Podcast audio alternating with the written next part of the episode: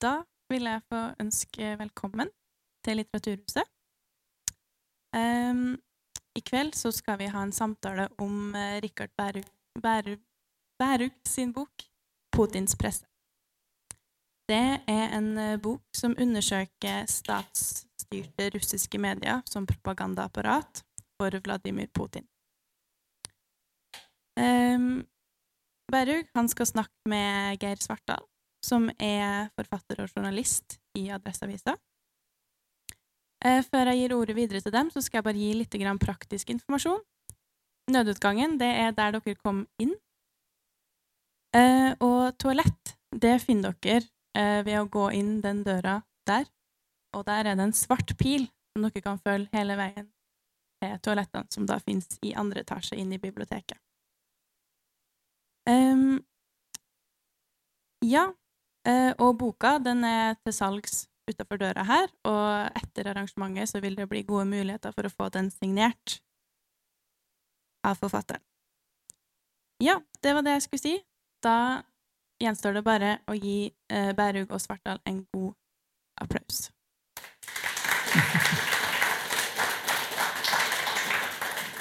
Ja, da er vi på. Det er vi. Rikard Bærug. Eh, jeg må nesten gi en liten introduksjon på, på deg. Jeg kjenner jo ikke deg fra før. Eh, vi møttes i går. Eh, jeg har jo pløyd meg gjennom en, en massivt verk om Putins eller russisk media. litt om deg. spill opp det litt først. Altså, du er Jeg regner at du har nå bodd lengre i baltiske land og i Kaukasus og reist ut og inn av Russland enn du har vært i Norge. Kommer fra Vestfold, er 3-54 år. Ja, 54. 54 år, ja. Studerte i Leningrad i sin tid. Du, er, du har, um, du har, um, du har doktorgrad innenfor medievitenskap. Uh, du snakker russisk, du snakker latvisk. Du holder på å lære deg svansk, fortalte du i går. Det er et kaldt velsk språk som snakkes av 15 000 mennesker i Nordvest-Georgia, der du også er hotelleier. Du fortalte meg du satt ned her i stad du kjente igjen et par stykker som hadde vært på fjelltur i Georgia med deg i, i, i år. Og igjen på krykka. Det var han der, ja.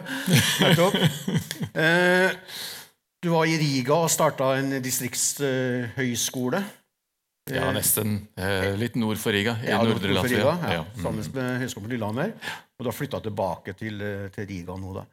Eh, du har egentlig fått med nesten hele Putins maktperiode. Og, og, og du har sett hvordan liksom pressen i landet er blitt mer og mer ufri, og det har du da brukt tett innpå 500 sider på å eksemplifisere i denne boka.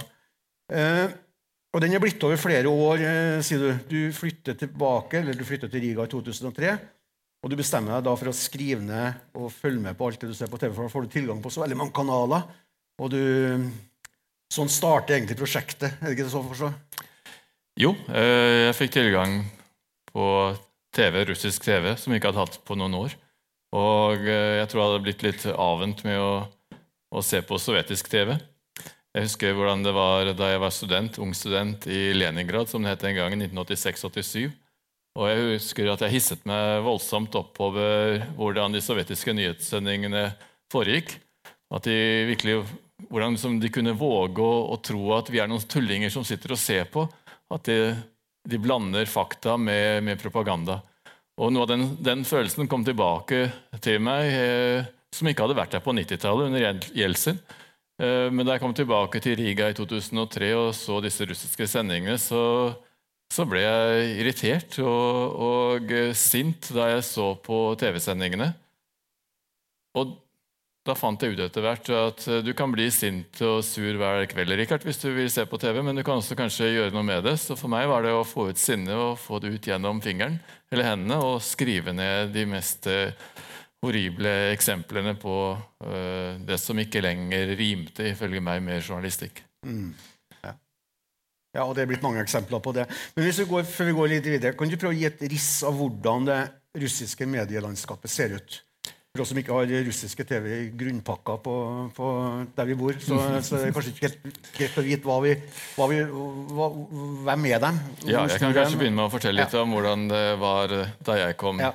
til Riga i 2003. Eh, hvordan det hadde vært før det. Eh, hvis vi ser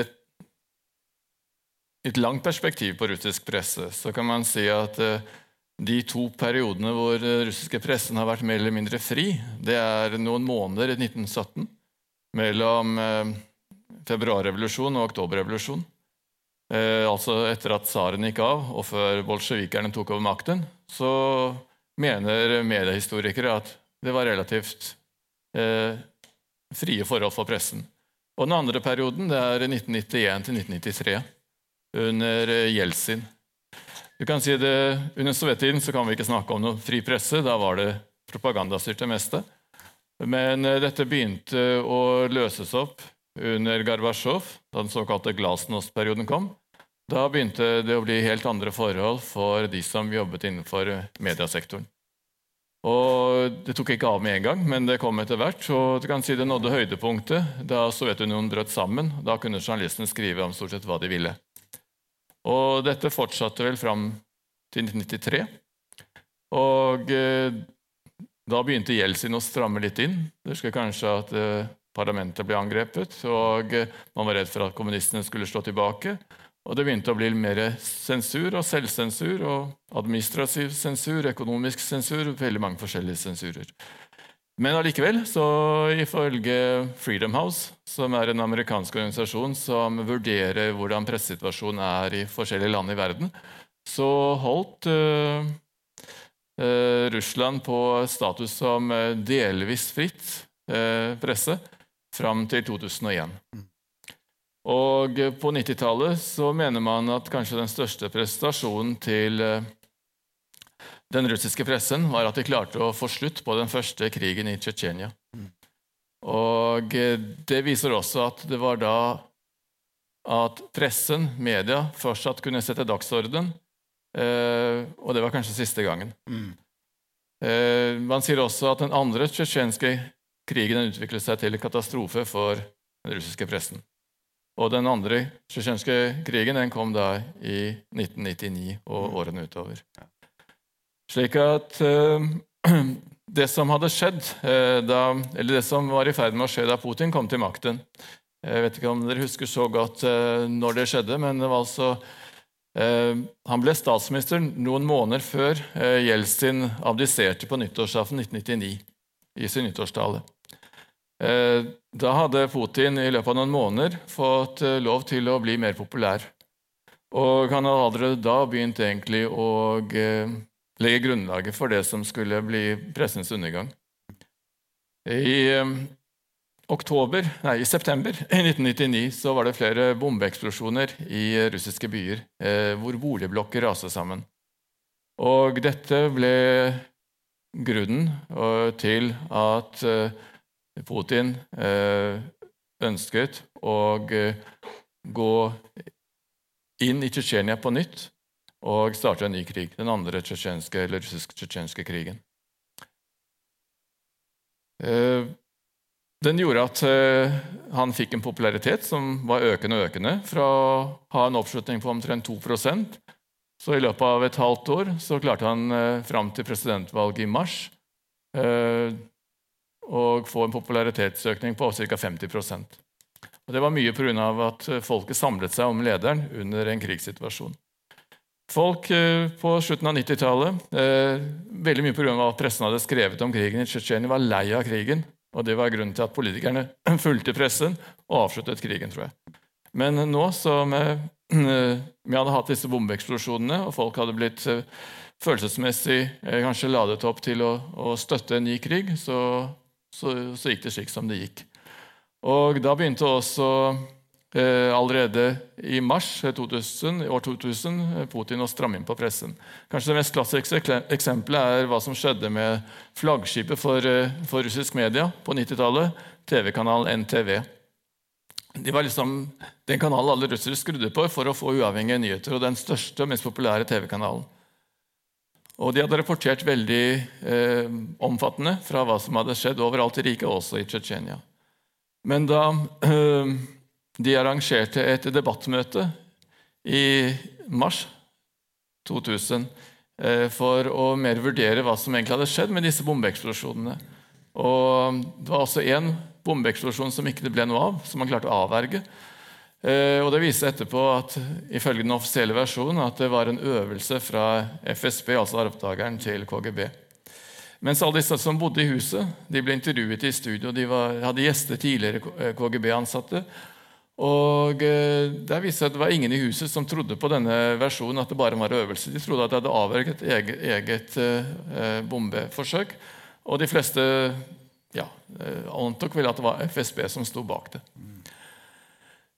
I løpet av noen få måneder så, så ble NTV presset. De fikk stadige ransakinger. De eh, befant seg i en situasjon hvor skattemyndighetene kom og ville kontrollere dem. Og mange andre myndigheter, påtalemyndigheten, var stadig der. Og eh, NTV ble presset til å selge, selge seg til noen andre. Eh, Gosinski, som den gangen var leder for NTV, han ble presset i eksil og måtte gi over eierandelen til et statlig eid selskap, Gazprom. Det store gasselskapet. Eh, journalistene, noen sa opp, og eh, noen fortsatte. Og sånn gradvis så begynte det å gå nedover. Selv om NTV fortsatte som en ganske interessant og åpen TV-kanal, så, så, var det kanskje det første store eh, skuddet som eh, gjorde at eh, den frie pressen begynte å, å tømmes for liv. Ja. Men NTV opererer fortsatt? NTV opererer fortsatt. Den gangen så tok Gazprom over. Eh, men etter hvert så ble også Putin og andre misfornøyd med, med hvordan eh, de opererte. Slik at det ble stadig utskiftning. Hver gang det var et program som man ikke likte, så, så ble det noen utskiftninger. Og I dag så er NTV sammen med to andre kanaler, eh, Razia-kanalen og Piervi-kanalen, første kanalen, de tre store eh, alle er servile kanaler som føyer seg etter hva Kreml måtte ønske. Men det er de som er de store kanalene.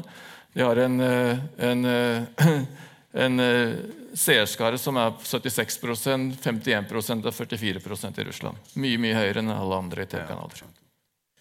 I, i, I, denne boka di så omtaler du de, som, de som jobber i disse statskontrollerte fjernsynskanalene, som reklameagenter, PR-agenter, statsagenter, propagandister, eh, pseudojournalister. Da, så da, da, er det ikke journalistikk som, eh, som, lages der? Ja, Da jeg satt og skrev denne boken, så tok jeg meg selv i at jeg hadde brukt ordet journalist om disse som jobbet eh, innenfor de statskontrollerte kanalene. Så begynte jeg å stille meg spørsmål hva mener vi egentlig med en journalist, og hva er journalistikk? Og jeg tror at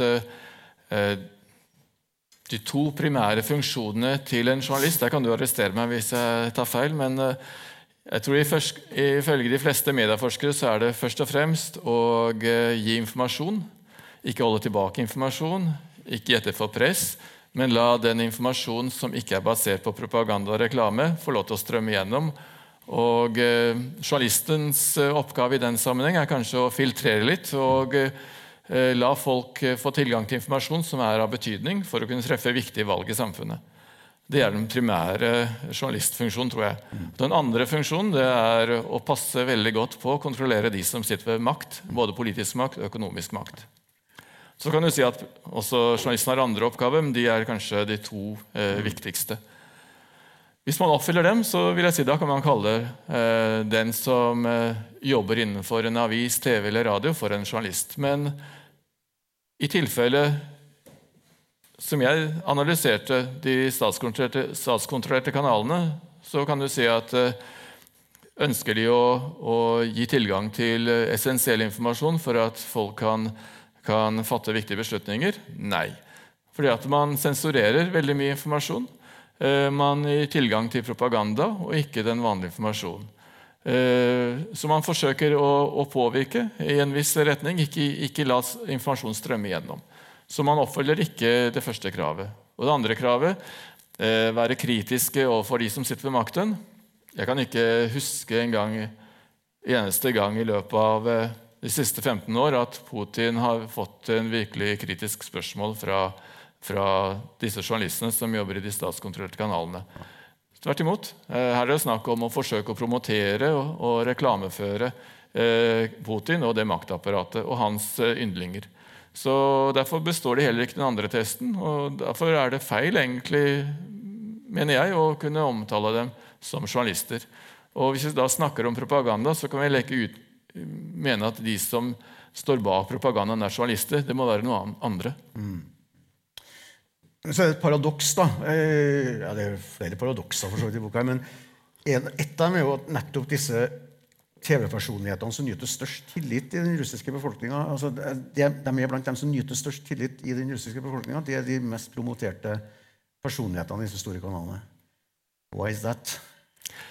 Jeg tror Hvis vi tror at reklame har noen betydning på ja. våre valg, så vil vi nok tro at propaganda også har noen betydning på våre ja. valg. Ja. Eh, hvis man blir matet med den samme informasjonen, samme reklamen eller samme propagandaen dag ut og dag inn, så vil man sikkert begynne å tro på det meste hvis man ikke er spesielt kritisk. Mm. Og Derfor er det eh, naturlig å tro at de man, man hører ofte og får en eh, slags forhold til, de kanskje begynner man mer å tro på også. Og de sier kanskje det som man, man ønsker å, å, tro, og som er i tråd med det nyhetsbildet som man har hørt hele tiden fra de samme kanalene. Mm. Eh, men det er klart, også innenfor de statskontrollerte kanalene så er det forskjell på, på, de som jobber der. Det er absolutt noen som forsøker å, å kanskje få mer reell informasjon gjennom systemet, og andre som, eh, som mer ja, rett ut sleiker den som har makta opp etter ja, et visst sted. Mm, mm. Så, så, det er forskjell også på de journalistene. Og du ser også forskjell i tillit til, eh, til, journalistene. Men jeg vil ikke si at de som kanskje er de mest kritiske, er de som nyter mest tillit. Eh, og eh, hvis vi ser på de som ifølge meg kanskje er de mer dyktige journalistene i russisk media, det er det vel få som har hørt om. For det er såpass marginale, og det passer Kreml veldig godt. ja. ja komme tilbake litt til dem. Eh, halvparten av russerne sier også i en, i en undersøkelse som Levada som, er det Ja, jo, Levada er det ledende meningsmålingsinstituttet ja, og i De gjør jo rimelig bra og har ganske frie tøyler til å gjøre en del gode undersøkelser. gjør de ikke det? Fortsatt så har de det. Ja. ja. Eh, men med en undersøkelse fra Levada så sies det altså at halvparten av russerne sier at de ikke lenger klarer å skille mellom sannhet og løgn i sine egne TV-kanaler. Det er jo ille nok. Men Vel så skremmende er det at nesten halvparten mener at de ikke behøver å vite sannheten heller. Um, um, med et sånt bakteppe som her, så er det jo uh, Så har det skjedd uh, mye over tid, da. Det er mye over tid, og jeg tror det er også et resultat av hva, hva de statskontrollerte TV-kanalene og de andre statsstyrte medier har hatt som agenda. Mm. og det er ofte teser som går på at at Russland er omringet av fiender på alle hold, slik at myndighetene må ha lov til å kanskje sensurere ting, visse ting. Eh, og eh, det gjør at eh, jeg tror man liksom har vært, vært uh, i en situasjon, i et miljø, hvor hvor journalisten ikke har uh, kunnet stille kritiske spørsmål hele tiden, så blir man avvent med det. på en måte. Og Da vender man kanskje seg av fra å, å, stille kritiske spørsmål og tenke at det er viktig, og ikke se noe stor betydning med det. Det er klart Du har alltid et mindretall, også i Russland. Man kanskje anser det, anslår det vanligvis til 15% som virkelig er bevisste på hva som skjer, og følger med godt på alt. Men eh, andre folk stort sett har ikke tid, og det er mange andre problemer i det, i det russiske samfunnet som eh, tar mer enn nok av tiden. Så mm, Derfor har man kanskje gått med på det som man har liksom, eh, hørt både indirekte og direkte, at det er visse ting som vi ikke kan eh, snakke om. og Pga. terrorfaren så kan vi ikke snakke om det, og pga. det og det så må vi sensurere litt. Mm. Og Da begynner man mer og mer å, å, å si OK. ja. Mm Sensurere, Man har en sensurinstitutt, skal du si, en sensurenhet. Hvordan funker den? Eh, jeg tror ikke man har én eh, institusjon. Man har en offisiell eh, Roskomnadzor, som bl.a. skal vurdere filmer, bøker. Hver dag så må f.eks. alle bibliotek i Russland passe på at de ikke har noen bøker i bokhyllene sine som har kommet på lista til, til russiske sensurorganet. For da kan de få bot, eller de kan Akkurat som eh, lederen av, den tidligere lederen av det ukrainske biblioteket i Moskva. Hun sitter nå i fengsel. På grunn av, ikke at hun egentlig hadde et bibliotek med forbudte bøker, men at politiet, FSB, plantet bøker i hyllene for å bli kvitt henne og få stengt biblioteket. Så, men det er bare en, en sånn varsellampe for andre, alle andre bibliotek i landet til å passe på at uh, de ikke har noen bøker som har blitt plantet av andre for å få stengt biblioteket. Eller at, uh, eller at uh, det har kommet at en av bøkene som er i biblioteket, har nå i dag, i dag tidlig kanskje kommet på listen. Da må du passe på at den boken blir tatt ut av biblioteket. Og Den listen inneholder i dag eh, ja, Jeg skal være forsiktig med å, å si antallet, men jeg tror den er på litt over 4000 bøker. Du kaller jo også dette for en, en boka her for en hyllest til liksom det du betegner som de tøffe og uavhengige journalistene som gjør det de kan for å beskytte sin uavhengighet og integritet. Eh, hvem er dem, og hvor finnes de, og hvor, hvordan agerer man for å oppsøke dem? Mm. Eh, ifølge visse overslag så regner man i dag med at 93 av eh, russisk medie er statskontrollert. Så da har vi 7% igjen. Så det er ikke så mange, og det er marginalt. Og det er det som Kreml som jeg nevnte, kan akseptere. Så lenge det er marginalt, så blir det ikke så veldig eh, foruroliget. Eh, vi har et par TV-kanaler som, eh, som, eh, kjører en ganske uavhengig redaksjonell linje. Det er TV Dorst og RBK. Og eh, Dorst eh, betyr regn. Eh, den ble kuttet ut av kabelnettet for et par år siden. og Stort sett i dag så må man ha tilgang til Internett for å se den. Med mindre man bor i et sted hvor eh, det fins andre løsninger. Men eh, de blir motarbeidet av myndighetene på den måten. Men eh, de er såpass små at myndighetene kan tolerere dem. RBK Der skjedde det en interessant ting for et par år siden. At, at det var utskiftninger i lederskapet pga. at man begynte å grave altfor mye i hva som hadde, blitt, hadde kommet fram under Panama-papirene. Mm. Og da hadde også Eh, seerskaren blitt kritisk høy, slik at eh, Kreml med sine løpegutter kom inn og skiftet ut ledelsen og fikk dem litt mer inn i, i bånn igjen. Ja. Eh, på radiosiden så har man kanskje det største uavhengige mediet. Det er såkalte radiostasjon Echa Moskva, altså Moskvas ekko, som ledes og har blitt ledet i veldig mange år, av Aleksej Benediktov. Og eh, I Moskva så tror jeg man kan snakke om at de har mer enn 10 og, eh, av eh, markedet. Eller folk som, som ser, hører på dem. Så det er nok den største, største mediet. Så har man mange små aviser. Eh, en avis som er, eh, har høyere autoritet blant eh, opposisjonelle, det er Novaja Gazeta, eller Nye Avisa. Og du har også forretningsaviser som Vedamosti og Kamersant, mm. som uh, kjører en ganske uavhengig linje, men er mer da rettet mot næringslivet. Så har du noen uh, nettaviser, uh, som f.eks. lenta.ru, som var en veldig kritisk, systemkritisk avis fram til 2014 men eh, da Russland begynte å krige i Ukraina, så eh, sa myndighetene stopp eh, pga. at de ønsket å pga. Lentaro ønsket å, å, å, få reflektere og gjenspeile synspunkt fra begge sider, både fra russisk og ukrainsk side. Så det gjorde at man skiftet ut lederen, lederen Galina Timtsjenko. Og hun eh, var så populær i hele laget, journalistlaget i Lentaro at eh, de fleste eh, gikk av, ikke ville jobbe under en ny leder. Og De har opprettet en ny redaksjon i Riga og kalles for Medusa. Lentaro fortsetter stadig, men har ikke den samme uavhengige linjen som før. Så fins det også mindre, mindre eh, nettaviser. Og det dukker stadig opp noen nye, men jeg har kanskje nevnt de som er viktigst. Mm. Hvordan er ditt nyhetsdøgn når du skal holde deg oppdatert på Hvor starter du?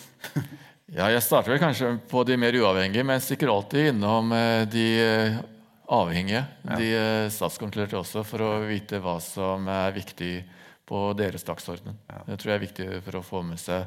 Det er sånn som han i Sovjetdager studerte hva som ble sagt i Pravda i Svestia for å forsøke å forstå hva man tenkte i, i Kreml. Ja. ja. Riktig. Et eh, fascinerende kapittel synes jeg, i boka her er jo hvordan, hvordan eh, russernes syn på, eh, ja, på både FSB og gamle KGB, men også på Stalin er blitt eh, endra. Du sa i går til meg at eh, Stalin har fått lov til å krype inn i TV-ruta igjen. Eh, eh, hvorfor det? Han har sagt. Hva, hva, hvilken hensikt? Ja, det er et godt spørsmål. Eh, jeg vil anta at eh, Putin ser visse paralleller med fortiden, med sovjettiden. Han ønsker å bli framstilt som en sterk leder. Og eh, Stalin var en såkalt sterk leder. Og eh, Stalin er kjent i Sovjetunionen og i dagens Russland for å stå bak liksom, veiutbygging, jernbaneutbygging og mange ja, Det som gjorde at Sovjetunionen ble, Sovjetunionen ble liksom, på en måte, ifølge russerne i dag, respekterte på verdensarenaen. Mm. Og eh, selv om myndighetene i dag ikke nekter for at eh, Stalin eh, begikk store grusomheter og sto bak eh, veldig mange drap og arrestasjoner, så er det mer og mer Kremls holdning at alle disse sidene ved Stalin må komme mer fram. Og ikke bare den, den horrible siden, som var vanlig på 90-tallet. Mm. Og som kanskje er vanlig hvis vi vurderer Hitler i dag, så snakker vi ikke om eh, Hitlers veibygging så veldig mye, men vi snakker mer om at jødene og andre eh, ble myrdet. Mm. At, at det, det, negative overskygger det positive eh, såpass mye at det er det som må, må komme fremst når vi snakker om Tyskland. Ja. Og tyskerne også snakker om sitt eget land. Mens mer enn, mer enn nå så er det slik at, at det som seiler mer fram, det er de sidene som gjorde folk stolte i sovjettiden. Og Det betyr også at de organisasjonene som eh, f.eks. kjemper for å ta et oppgjør med fortiden, og kjemper for å kanskje bevare noen av, i hvert fall ett av de gamle konsentrasjonsleirer som museum, og eh, kjemper for å rehabilitere folk som ble uh, urettferdig behandlet og straffet under sovjettiden, de opplever veldig vanskelige tider. og Det mest uh, klare eksempelet på det er nok organisasjonen Memorial, som uh, stadig blir utsatt for trakasserende virksomhet på de statlige kanalene. Mm. Så, og uh, de klarte også på 90-tallet å ta vare på et gammelt konsentrasjonsleir og gjorde det om til museum, men ble presset ut av det nå for fire-fem år siden. Slik at eh, det som kanskje begynte i 2008, da Medvedev tok over makten eh, Samme uken som han tok over makten, så lanserte man på russisk TV en kåring eller en konkurranse hvem var den viktigste russeren i historien. Og den som ledet da på, på meningsmålingene, eller eh, tabellen de første ukene, det var Stalin, faktisk. Mm så var det kanskje noen i Kreml som mente at det ville vært for ille hvis Stalin skulle gå fram og vinne. Hva ville utlandet tenke om oss da? Så han havnet på tredjeplass til slutt, etter at eh, den første avsendingen ble annullert. Men, eh, men, i hvert fall han ble nummer tre. Og han er jo egentlig ikke ruser. Men han, men han ble altså, og er ansett for å være en veldig stor personlighet. Og eh, sånn var det ikke på 90-tallet. Han ville kanskje vært fornøyd med en pass på pallen. Stalin? Du kan si det Jeg tror det er et usunt tegn for et, eh, et, land at det stadig dukker opp flere gater som er oppkalt etter Stalin, at det dukker opp stadig flere byster, museer og slikt. Eh, og Det vitner om at Russland har ikke tatt et oppgjør med, eller har ikke blitt tvunget til å ta et oppgjør med fortiden på lik linje med eh, Tyskland. Du skriver mye om, om, eh, om um, krigen i Georgia, om Ukraina og Krim, naturligvis nå, og hvordan uh, Litvinenko-saken hvordan den dekkes. Men så viser også den uh, Putins presse da, vi må, vi, må, vi, må, litt hjem igjen, som det heter på NRK. For hvordan liksom den propagandaen her også rammer Norge spesifikt. Det er jo hysterisk morsom lesning hvis man velger å lese det med de brillene. Altså, men altså, en av dem som oftest har uttalt seg i russiske fjernsynskanaler de siste syv-åtte åra, er en russisk kvinne som tapte en sak om en barnefordeling her i Norge mot sin norske ektemann.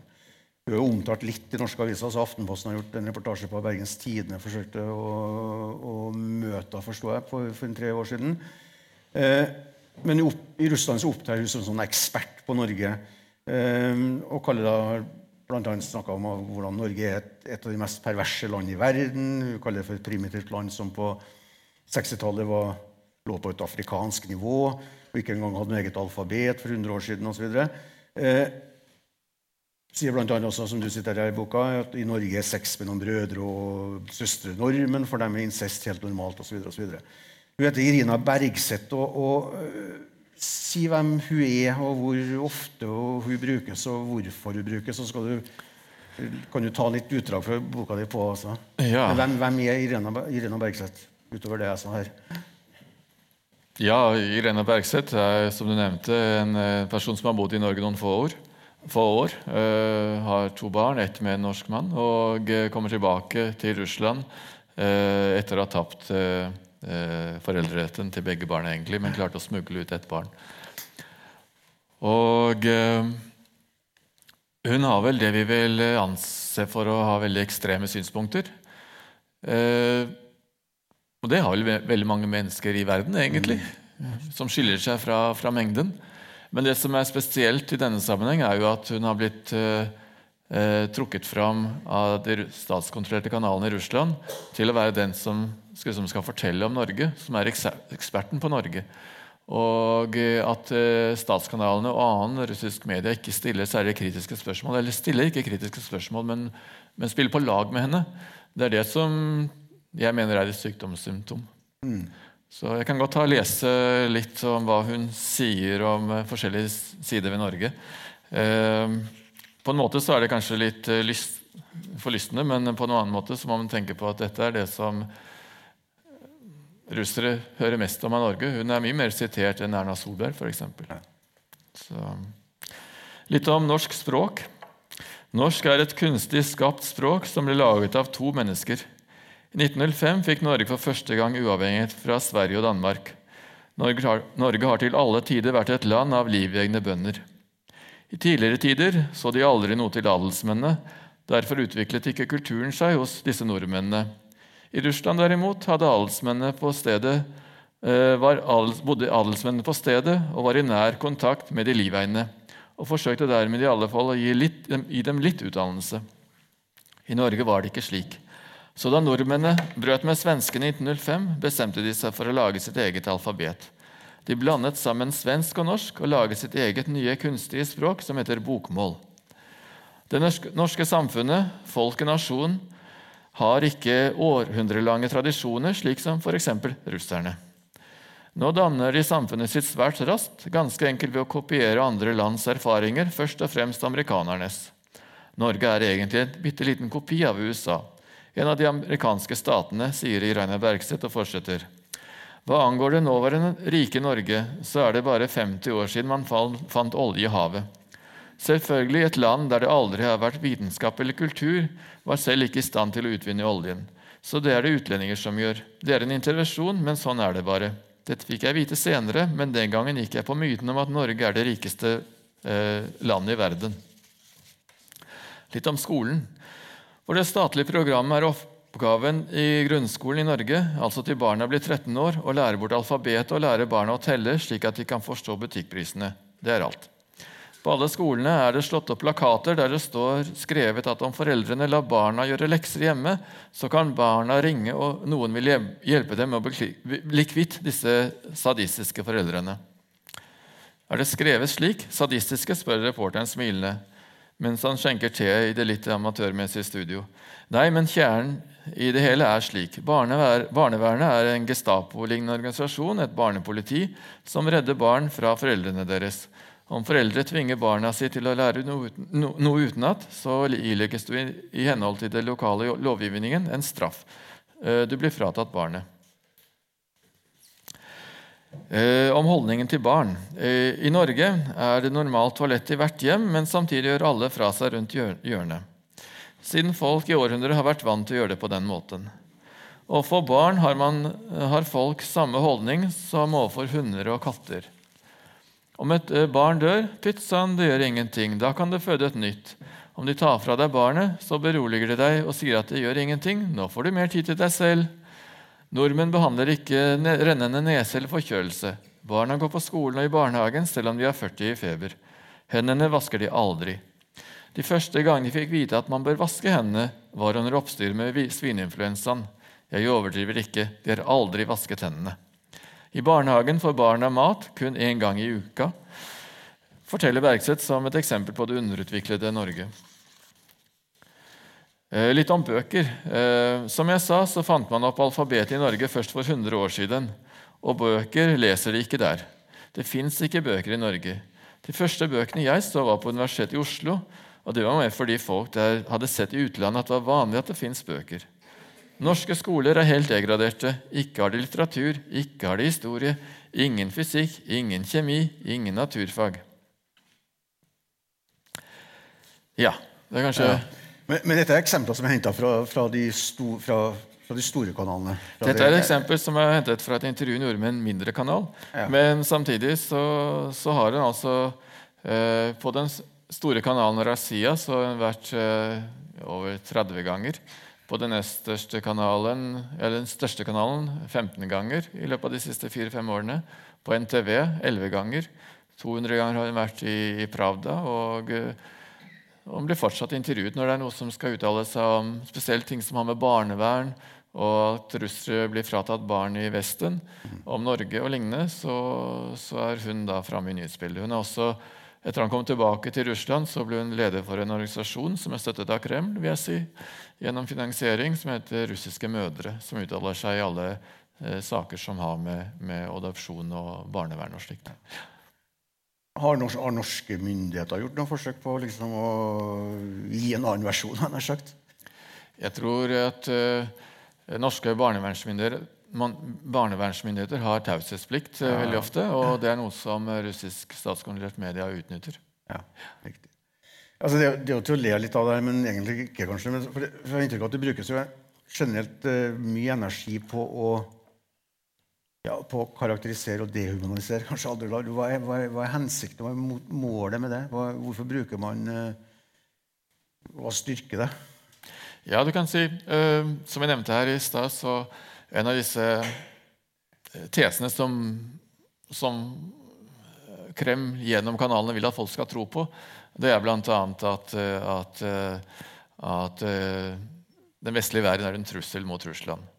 Eh, At eh, den vestlige verden er slemme mot russere, og sånn som i dette tilfellet, at de tar fra oss barna. Eh, De forsøker å få russere til å tro at eh, den vestlige verden er totalt eh, moralsk forfallen, og det er bare Russland igjen som det eneste morale øyen i verden. Eh, De forsøker å få folk til å tro at Vesten bruker doble standarder for å vurdere hva som skjer i Russland, og er mye lettere og, og når de vurderer hva som skjer i Vesten. Eh, De får folk til å forsøke for russere til å tro at alt i Ukraina er håpløst, at det nesten ikke er en stat. Eh, De får, forsøker å få folk til å tro at, at eh, Vesten eh, forsøker å omskrive historien, og at de beveger seg i, nazistisk, fascistisk retning. Ikke bare Ukraina eller Baltikum, men hele Europa. Og de forsøker å få folk til å tro at stadig oftere så innser man i Vesten at Russland har rett. Og selvfølgelig vil også myndighetene at eh, folk skal tro at Putin alltid har rett. Og dette er vel for å Kanskje hvis man skal være veldig eh, kynisk, så kan man se det er kanskje en måte for de som har makten i dag, til å kunne bevare makten videre. Når eh, økonomien går nedover, eh, så hjelper det å skylde på noen i utlandet. F.eks. sånn som jeg så på en TV-diskusjon for noen år siden. Den russiske opposisjonspolitikeren Irina Hakamada. Hun sa så er nazistene nazist, skyldige, så er det fascistene som er skyldige, så er det liberale som er skyldige, så er det USA som er skyldig, så er det Europa som er skyldig. Men vi er aldri skyldige selv. Og det er nok eh, sagt på en brutal måte ganske rett, det som eh, kanalene ønsker å få folk til, til, å tro. Ja. Og det er veldig lite oppgjør med for eksempel, Siden Putin sitter med makten og han, kan ikke kritiseres, så må man kritisere noen andre. Så, så, det er vel for å, å, beholde makten. Jeg tror det, det bunner ut i det. For det er ikke for å få Russland til å, til å bli en, en, sterkere, mer eh, teknologisk utviklet, politisk bedre utviklet nasjon. For det er jo ikke det dette resulterer i. Det resulterer i at folk liksom blir på en måte Ja, de får en helt annen virkelighetsomfatning, oppfatning av historien. Og eh, det gjør det at det blir veldig vanskelig for folk i andre land å å komme til enighet med de som har latt seg påvirke av disse kanalene. For som en av mine kanskje helter i, i boken sier, en tidligere riksarkivaren, at uh, konsensus i samfunnet bygger på at man tar sannhet som utgangspunkt. Og tar man ikke det, så kan man ikke få konsensus.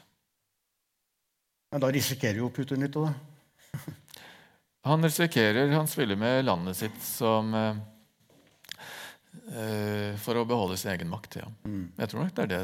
Han kanskje har en oppfatning pga. at de fleste ledere som ikke er så veldig demokratiske, de omgir seg med folk som, som sier det de ønsker de skal si. Mm. Så har nok folk rundt seg som sier stort sett det. Men, eh, men at eh, hans styre i dag er så veldig bra for Russland, det tviler jeg på. Du har ikke fått snakka med noen av disse journalistene i de statskontrollerte mediene? De, har du det? Eh, nei, de eh, er ikke så veldig snakkesalige vanligvis. Det er kanskje en som hoppet av i fjor, som fortalte litt om det. Men her i sommer så bød det seg en unik situasjon, faktisk, når du spør om det. Eh, jeg var eh, fjellfører, eller bergfører, for en russisk familie, og en av familiemedlemmene hun eh, jobbet i, for Putin. Slik at eh, det som hun hadde som oppgave, det var blant annet og tilrettelegge besøkene hans innad i Russland og eh, skrive retningslinjer til de statsstyrte kanalene hver uke. Hva de kunne snakke om, hva de ikke skulle snakke om. Eh, rammer. Eh, hun sa at innenfor det så kan de egentlig være ganske frie. Men hvis du ser på de kanalene, så er det ofte at de gjentar seg veldig ofte. Men det som var litt spesielt, var at hun sa at av og til så må jeg berolige faren min. Han begynner å trekke på årene. Han tror på alt som er på TV. Men der er det jo 90% av alt som sies, det medfører ikke riktighet, sier hun. Så det er jo paradoksale i det. Hun selv lager nyhetene eller mm. lager rammene for dem, samtidig som hun må berolige faren sin pga. at uh, hun innser at uh, det som formidles der, ikke medfører Om det er løgn eller ikke sant, det er en sånn Eh, spørsmål. Som, eh, først var han vel kanskje løgn, og så eh, korrigerte hun seg til å si at ikke alt var sant. Men, men kanskje essensen er at 10% av det som rapporteres på de statlige kanalene, det, det er sant. ja. Mm. Ja. ja. Så det er vel det nærmeste jeg har kommet til å snakke med noen som er innenfor systemet i dag. Ja. De er godt betalt, så det er vel kanskje noe som gjør at de, de, klarer å holde på dem. Har du gjort noen dybdeintervjuer med, med, med de som jobber i de mindre mediene. Altså de, de heltene. Nei, det er noe jeg har ja. lyst til å gjøre. Ja. Mm. Så. Mm. Du var jo nylig i, i Russland. Uh, ja, Var det noe bare for noen uker siden? Eller var det, nei, det var Bok. Etter at boken kom ut, så har jeg vært en gang i Russland. Det, det var i august. Ja, ja riktig. Mm. Og da fikk du inntrykk av at myndighetene der borte visste hva du drev på med? eller visste hva du skrev? Det var i hvert fall en helt annen uh, opplevelse, ja. som jeg også har skrevet om i Adresseavisa i går. at uh, jeg, er, jeg, er, veldig glad i Russland og har veldig mange venner i Russland. og Absolutt ikke noen antirussisk person. Ja. Men uh, det som jeg opplevde da, det var meget spesielt. Vi begynte vel på flyplassen allerede. Så det var ikke første gangen at man blir avhør på flyplassen. Det er ofte at turister blir. Men, eh, men alle hadde gått gjennom passkontrollen, så var det bare jeg igjen. Og da var det en, som, eh, en FSB-person som skulle avhøre meg. Og han, han snakket også svensk, f.eks. Ja. Så ja, jeg kom videre. Og eh, da jeg gikk av toget, så gikk alle ut av stasjonen. var det bare meg som ble igjen, som politiet stoppet og ville, ha, ville se papirene mine, blant annet. Og da jeg satte meg i den første drosja, så ble vi stoppet av politiet etter et par minutter. Og eh, da la jeg også merke til at eh, etter at drosjesjåføren gjorde meg oppmerksom på det, at eh, det var en sivilkledd person som dirigerte hva politimennene skulle gjøre. Så da fikk jeg bot. Eh, for jeg, skulle, jeg satte meg inn i drosjen og lette etter hvor man kan sette sikkerhetsbeltet. Og det fant jeg ikke, så jeg satt og holdt på sikkerhetsbeltet. Og, og da ble jeg stoppet. Da fikk jeg bot for å ikke bruke sikkerhetsbelte. Mens drosjesjåføren, som aldri bruker sikkerhetsbelte, han fikk ikke noe bot. Så da begynte det å, å Da hadde det skjedd tre ting som fikk meg til å lure på hva, hva er det som skjer her. Ja. Jeg kjørte videre og eh, kom til en veisperring hvor jeg ble ransaket totalt. og Aldri skjedd før i Russland. Jeg skulle se alt jeg hadde i sekkene mine. Jeg hadde to, en liten sekk og en stor sekk. Og eh, De fant jo ikke noe som var mistenkelig der, så jeg ble sluppet videre. Og eh, Da skulle jeg opp i fjellet. og eh, der gikk det ikke noe offentlig transport, så jeg regnet med at jeg måtte gå 10 km. Men plutselig så var det en bil som sto der med et hyggelig eldre ektepar. Som FSB sa du kan sitte på med den, de har sikkert plass til deg. Og de var jo så utrolig nysgjerrige på alt jeg gjorde. Så det var en besynderlig opplevelse å sitte på med det som jeg antar ganske sikkert var to FSB-ansatte som var skuespillere. Ja. Mm, som skulle forsøke å uh, få ut av meg så mye som mulig. Så og I Russland så er det slik at uh, man skal offisielt registrere seg hos myndighetene innen tre dager. Uh, det må alle turister gjøre, eller alle som oppholder seg i Russland. Og uh, da jeg var ute og gikk på denne fjellturen, så, så, var det ikke mulig å registrere seg på toget hvor jeg hadde tilbrakt første natten, heller ikke på denne fjellklatreleiren hvor jeg var andre natten. Så da skjønte jeg at nå må jeg, hvis ikke noe skal skje, så må jeg ta og komme meg raskt til politiet eller posthuset, hvor man ofte kan registrere seg. Så jeg kom dit tredje dagen. Og eh, da sa de å, vi beklager, men eh, disse registreringspapirene er akkurat tatt slutt, så vi kan ikke registrere deg. Og jeg vet også at på nabopostkontoret så kan de heller ikke registrere der. Også akkurat tatt slutt disse registreringspapirene. Så du må nok dra fem-seks mil til nærmeste større by og registrere deg der. Så jeg gjorde det. Eh, på veien dit så brøt bussen sammen, husker jeg. Men eh, det tror jeg var tilfeldig. Det var ikke noe som hadde sammenheng med, med min reise. Men da jeg kom eh, til det store postkontoret som de da hadde hadde fortalt meg at jeg kunne registrere meg på, så sa de at vi fikk beskjed her for et par dager siden at uh, vi ikke lenger kan registrere folk, at du må gå til immigrasjonsmyndigheten direkte for å registrere deg. Jeg gikk dit, og da begynte jeg å bli litt uh, bekymret for hvordan det gikk med tiden. så jeg var vel litt rask og, og skjena over en gate for å gå direkte til myndighetene. Og fikk beskjed hos immigrasjonsmyndighetene at siden jeg bodde i telt, så kunne jeg ikke registrere meg. Det var ikke mulig. Så da sa jeg da, men da får jeg ta og bli igjen her i byen da, og kanskje bo på hotell hvor man kan registrere seg. Og fikk anbefalt Hotell Astoria som det hotellet i byen hvor man kunne registrere seg. Kom ut av eh, migrasjonsmyndighetenes bygg og ble anholdt av politiet igjen. og og eh, bedt om å komme inn i politibilen. og De måtte dessverre ilegge meg en ny bot pga. at jeg hadde gått over gaten uten å ta fotgjengerovergangen, som var 400 meter lenger nede i gata. Så ja, jeg fikk en bot, og, og tenkte jeg, jeg skal i hvert fall spørre dem eh, om hvorfor de ikke arresterer de andre eller stopper de andre som nå rett foran øynene på oss krysser gaten hele tiden. Og jo da, det skal vi gjøre, sa de. Så ble jeg stående der etter å ha fått denne boten og var litt modig, kanskje. Og det gikk et par minutter, og jeg spurte skal dere ikke begynne da. Jo. så kjørte de fram, og jeg så som ansiktsreaksjonen på disse folkene. Det er som, noe som aldri hadde skjedd, tror jeg. Jeg gikk til dette hotellet. Eh, der sa de at vi har aldri registrert noen utlending på dette hotellet. og Det fins ingen hotell her i byen som registrerer utlendinger. Da må du reise til et annet eh, større feriested, Dombai, skisportssted. Så jeg hoppet inn i en drosje, skrudde av mobiltelefonen for å håpe at kanskje man ikke fulgte etter meg lenger.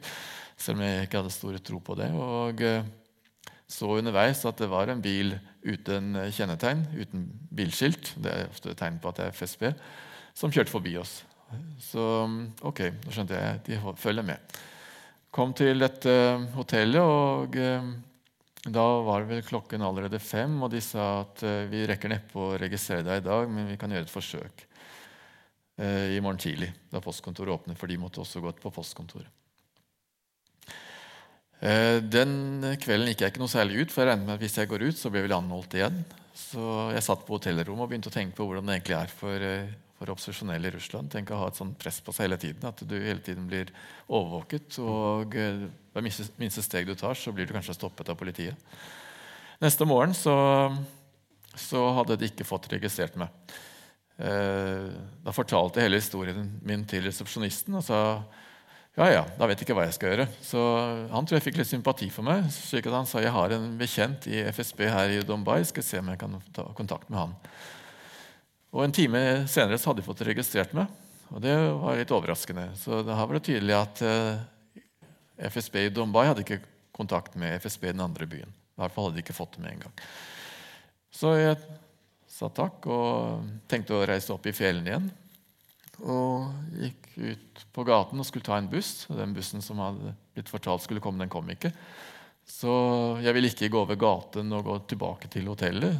Eh, så jeg gikk liksom 500 meter for å krysse gaten i et fotgjengeravgang. Og hele tiden passe på å være den mest lovlydige borgeren i Russland de dagene. Eh, men eh, da jeg begynte å bevege meg lenger oppover gaten, så så jeg at det var en, en bil som begynte å bevege seg. Nei, jeg så at det satt en, en uniformert person inni en av bilene som sto like ved bussholdeplassen. Da tenkte jeg at enten så har jeg blitt paranoid, eller så hvis den bilen beveger seg nå når jeg går, så, så skal de ta meg igjen. Så det gikk vel en ti sekunder, og bilen skled ut i veibanen og fulgte meg oppover. Og stoppet meg. Og eh, Da var de veldig overrasket over at jeg hadde fått dette registreringskortet. Men eh, så sa den sivilkledde som var sammen med politi, eh, han i politiuniform, at, at men eh, her står det jo at du har et businessvisum. Og i denne tillatelsen til å gå i fjellet så står det at hensikten med å gå der er jo turisme, reiseliv. Og jeg forsøkte å innvende at ja, men jeg jobber også innenfor reiselivsbransjen, og det er min business. Nei, nei, det her går ikke bra. Dette blir rettssak. Dette er veldig alvorlig, sa han. Ja.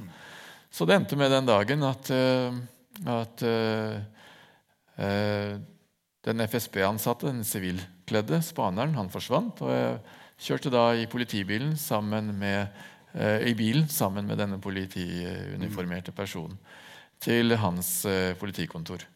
Og eh, jeg spente selvfølgelig på meg sikkerhetsbelte, men det gjorde ikke han. Og han sa det er ingen i Kaukasus som bruker sikkerhetsbelter. Så og han begynte bare å le når ja, han hørte at jeg hadde blitt eh, stoppet og fått bot for å krysse gaten, og, og spesielt for å ikke bruke sikkerhetsbelte. Så eh, mens han begynte å fylle ut alle papirene som FSB ønsket at han skulle fylle ut, for denne rettssaken, så spurte jeg egentlig litt fram og tilbake for å for, forsøke å få hans synspunkt. Da, og, og, hva egentlig mener du med det her? At hvorfor kan man ikke bare gi meg en advarsel? Det er jo ikke noe, noe det er jo en vilkårlighet av en annen verden og en trakassering av en annen verden. Så ja, Han skjønte det, men han sa at i politiet så, så er det ikke vi som bestemmer, det er FSB som gir sine ordrer, og de må vi følge. Og Sånn var det også i rettssaken senere på kvelden. Og jeg ble dømt til da den tredje boten eh, i løpet av fire dager, og også dømt til å forlate landet, altså bli utvist av Russland. Så, så sånn gikk det. Ja. Mm. Ja, har du et utvisningsvedtak? Ja. Altså, okay. ja. Mm. Det er ikke lett for deg å komme inn? Eh, jeg vet ikke hvor lenge sånne utvisningsvedtak varer. Jeg har Nei. ikke forsøkt å søke visum nå. Nei. Mm. Nei. Du, eh, vi nærmer oss slutten, men vi tenker på noen saker som liksom, sånn Frode Berg-saken. Hvordan dekkes den i russiske medier? Jeg tror ikke Frode Berg-saken er så veldig eh, framme i nyhetsbildet. Eh, den har blitt dekket eh, noe også i de mer uavhengige mediene. Men, mm. men nå har ikke jeg sjekket spesielt. Men jeg tror at det kanskje kommer noe mer hvis det blir en rettssak på det. Men, mm. Men det er ikke noe sånn toppsak, så vidt jeg har fått med meg. Etter at Trump ble president i USA, har det endra liksom, russiske mediers dekning av USA, naturligvis, men Vesten? Har det skjedd noen endringer der?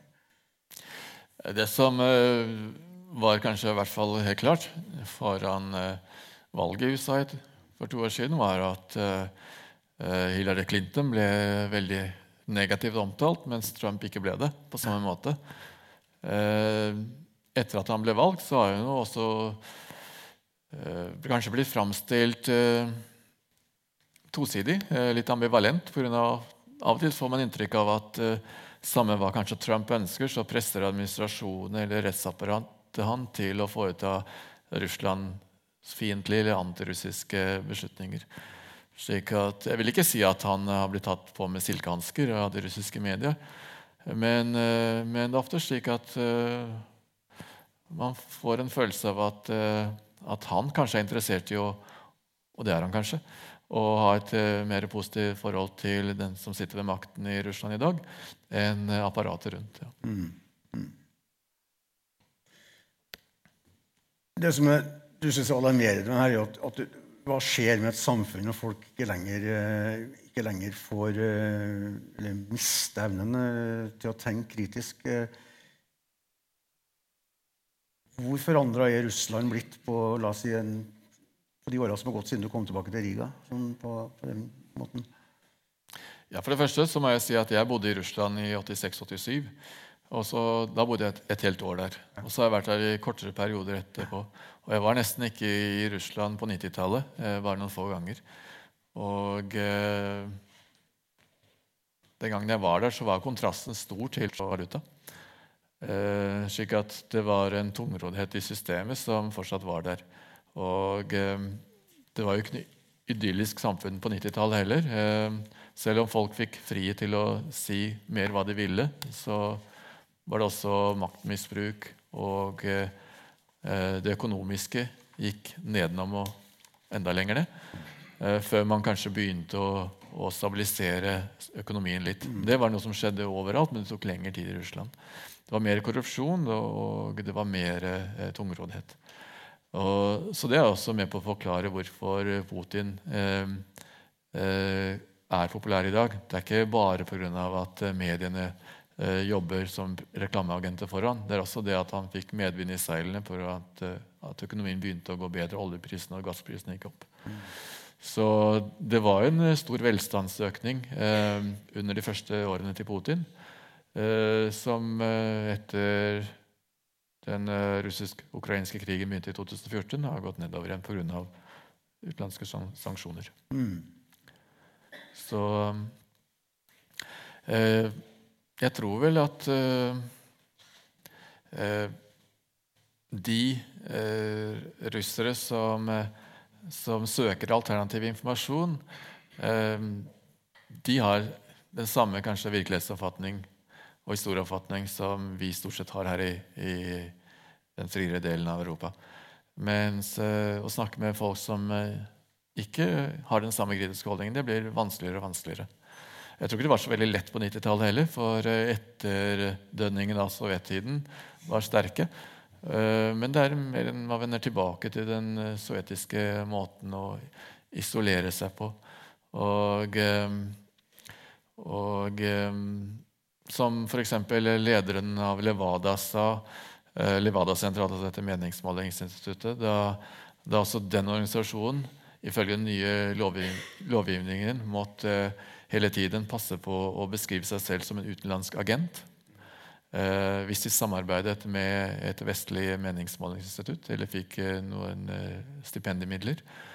Eh, de mente at de ikke var noen utenlandsk agent. Eh, og mente at det var bare et eksempel på at, at eh, Russland isolerer seg mer og mer. Og det ender med at eh, vi får en tilbakestående, i hvert fall økonomisk, befolkning som mer og mer trøstefòrer seg selv med å tenke på fortiden og har illusjoner om noe, samtidig som de blir aggressive. Så det er en farlig utvikling sånn sett. Ja, vi har passert timen. Eh, vi har åpna for spørsmål hvis det er til eh, Rikard Bærug fra salen. Det er vel en mikrofon her også. Det kommer en som har vifta med fingrene der allerede. Så bare still det rett. Ja. Ja, Deler du eh, synspunktene til Masha Gessen? En gang til. Deler du alle synspunktene til Masha Gessen? Altså Masha Gessen. Du, jeg må si at jeg har ikke lest alle bøkene hennes. Eh, så jeg kan ikke skrive under på at vi er enige om det meste. Eller om alt, i hvert fall. Men det er klart, hun, hun er jo en kritisk journalist. Marsha Gessen er en eh, amerikansk-russisk journalist. eh, Også kanskje av jødisk opprinnelse, er ikke helt sikker. Ja.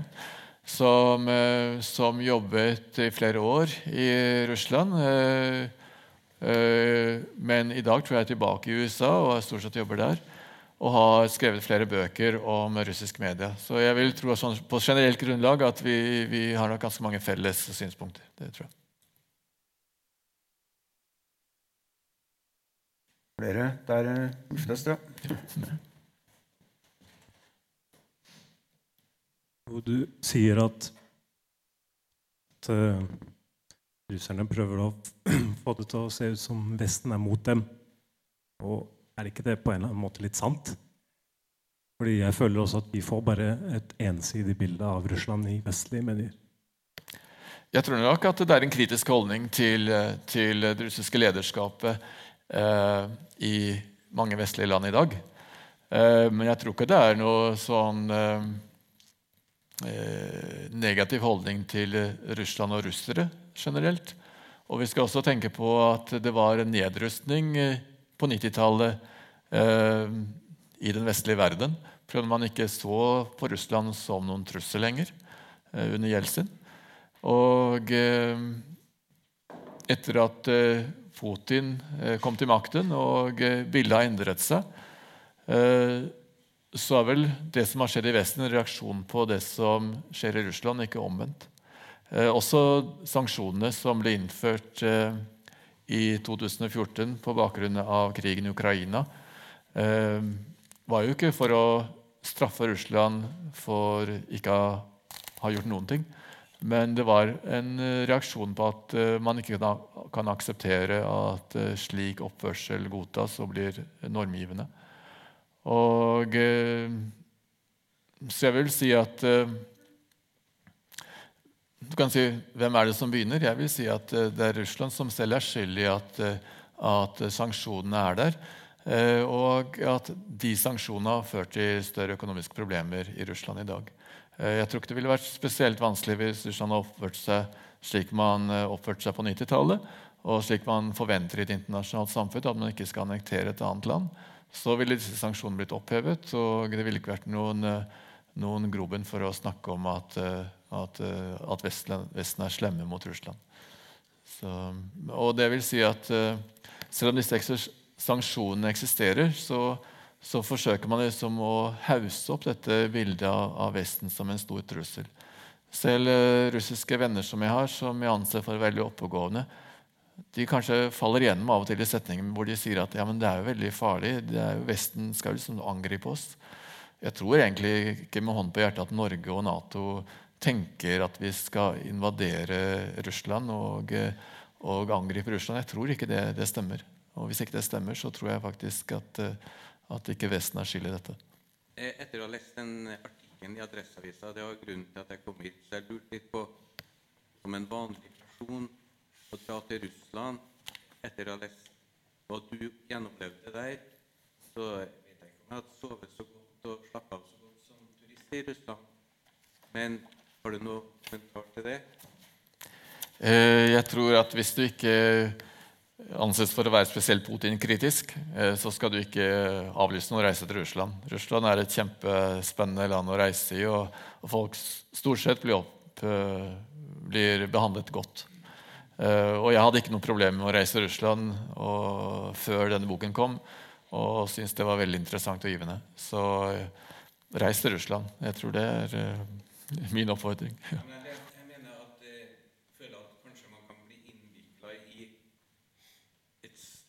Spill som man står helt utenom, og bli eh, arrestert, som du nevnte, at du kan bli du kan, du kan plante et dokument eller narkotika på det, og så eh, Det er kanskje litt paranoid av meg, og så blir jeg innvikla i en sak som for oss å bytte ut en eventuelt eh, arrestert spion i Vesten. Du ser scenarioet? Ja, jeg, jeg skjønner hva du eh, tenker på, men eh, samtidig så Jeg er faktisk innstilt på å reise til Russland igjen. Og eh, jeg har tro på at det er viktig å holde kontakt med folk og, og snakke sammen. Og eh, selv om eh, jeg innser at jeg kan risikere ting, men samtidig så forsøker jeg liksom ikke å, å bli sånn som jeg holdt på å bli, kanskje litt paranoid. Men, eh, men jeg tror det er viktig å opprettholde kontakt. Og, men man, selvfølgelig, hvis man er systemkritisk, så må man kanskje være litt ekstra påpasselig. Jeg tror også Neste gang jeg vil være i Russland, så vil jeg passe på å gå- over gata der det er fotgjengerfelt. Selv om jeg etter hvert har sett at det er veldig mange gater hvor det ikke fins fotgjengerovergang. så, og forsøke å oppføre seg, seg bra eh, og lovlydig. Men det er klart at denne gangen her så var det klart at det var et påskudd for å få noe på meg. Det var klart at det var orden ovenfra. Så um, stort sett så tror jeg det er, det er greit å reise til Russland. Det har ikke blitt så ille. Eh, Russland er ikke Nord-Korea ennå eller eh, eh, på den måten. Det, det er fortsatt eh, ikke heller så ille som det var i Sovjetunionen, selv om det beveger seg i den retningen. Så, Det er vel generelt greit å bruke fotgjengerfelt uansett. Det er Ja. spørsmålet der bak. Hvor, hvor enn man er. Jeg reagerte litt på det forrige svaret ditt, fordi at eh, du sier at eh, Russland ikke har noen grunn til å føle seg trua fra Vesten. Det syns jeg er en veldig merkelig uttalelse. fordi at eh, hvis du ser på det som har skjedd i det her bufferlandene mellom vest og øst i løpet av de siste 10-15 årene, der både EU og altså den økonomiske delen av Vesten pluss den Nato-alliansen har beveget seg stadig østover. Og nå er det da 70 mil omtrent fra eh, nordgrensa til Ukraina til Moskva.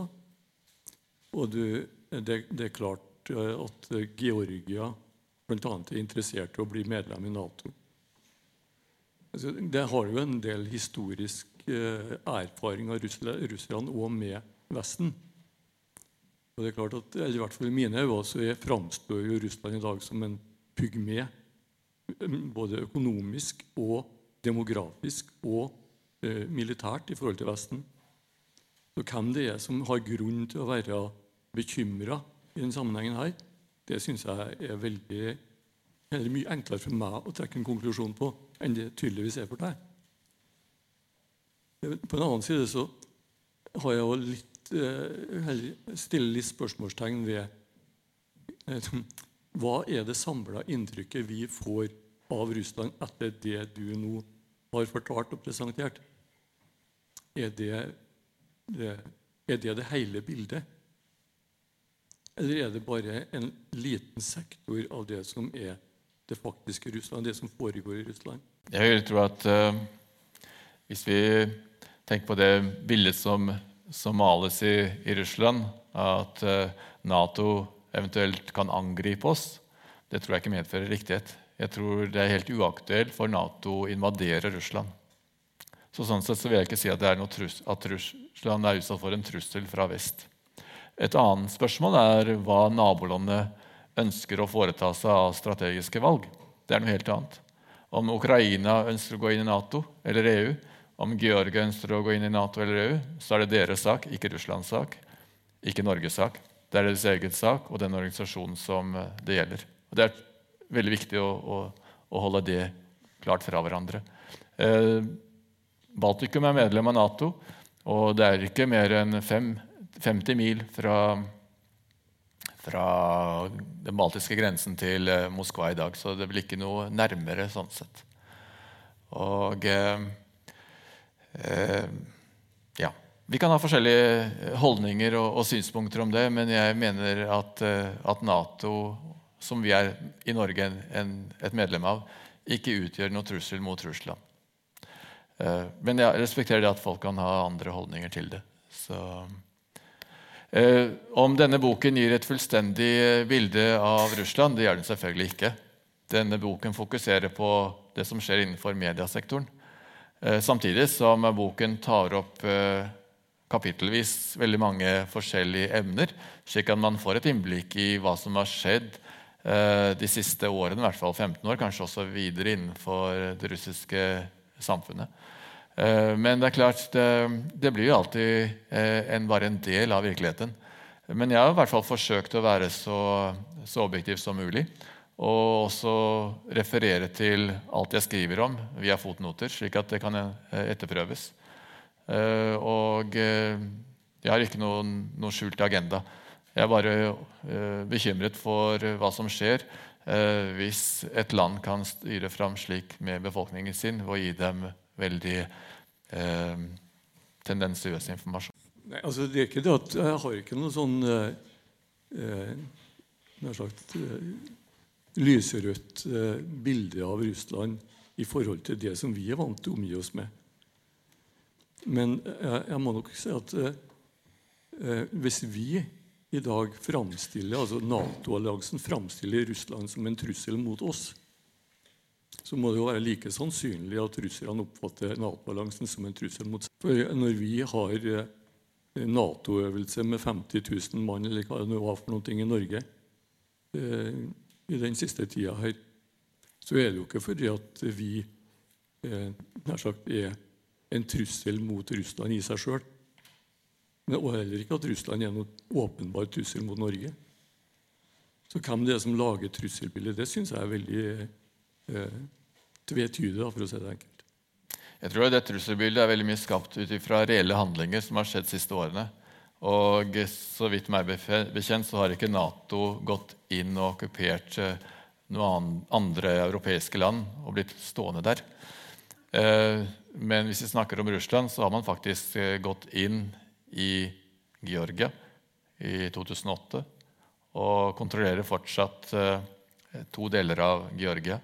Hvis jeg reiser for til den abkhasiske delen av, av, Georgia, så blir jeg kontrollert på grensen av både abkhasiske grensevakter og russisk FSB. Og når det, alt kommer til alt, så er det Russland som kontrollerer grensene.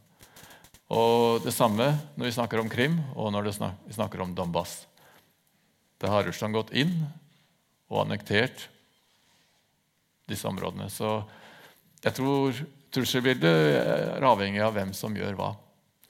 Ja, bare til det siste så er vel ikke russerne så veldig begeistra for uh, at Nato gikk inn i Kosovo.